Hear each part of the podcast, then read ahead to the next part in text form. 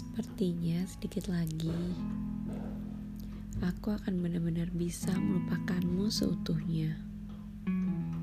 Sebentar lagi aku tak akan galau dan bingung menunggu chat darimu.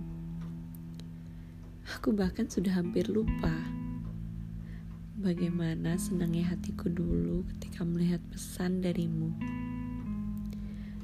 Seolah aku hampir merelakanmu seutuhnya.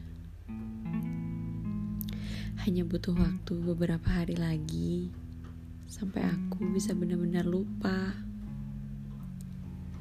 Hanya terkadang jemari tanganku masih suka nakal mengetikkan namamu di Instagram. Walau sekarang aku hanya bisa melihat akunmu yang terprivate.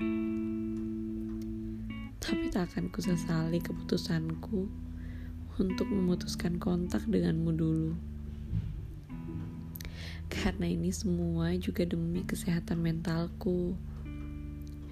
Aku tidak ingin ikut berubah menjadi orang yang toksik untuk orang lain yang akan benar-benar mencintaiku nantinya.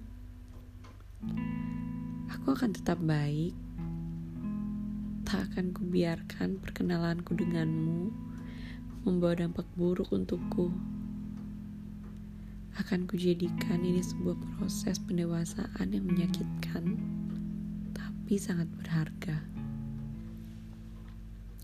Maka itu, aku percaya ketika sekarang aku bisa hampir melupakanmu, maka sebentar lagi akan ada banyak kebahagiaan yang menantiku.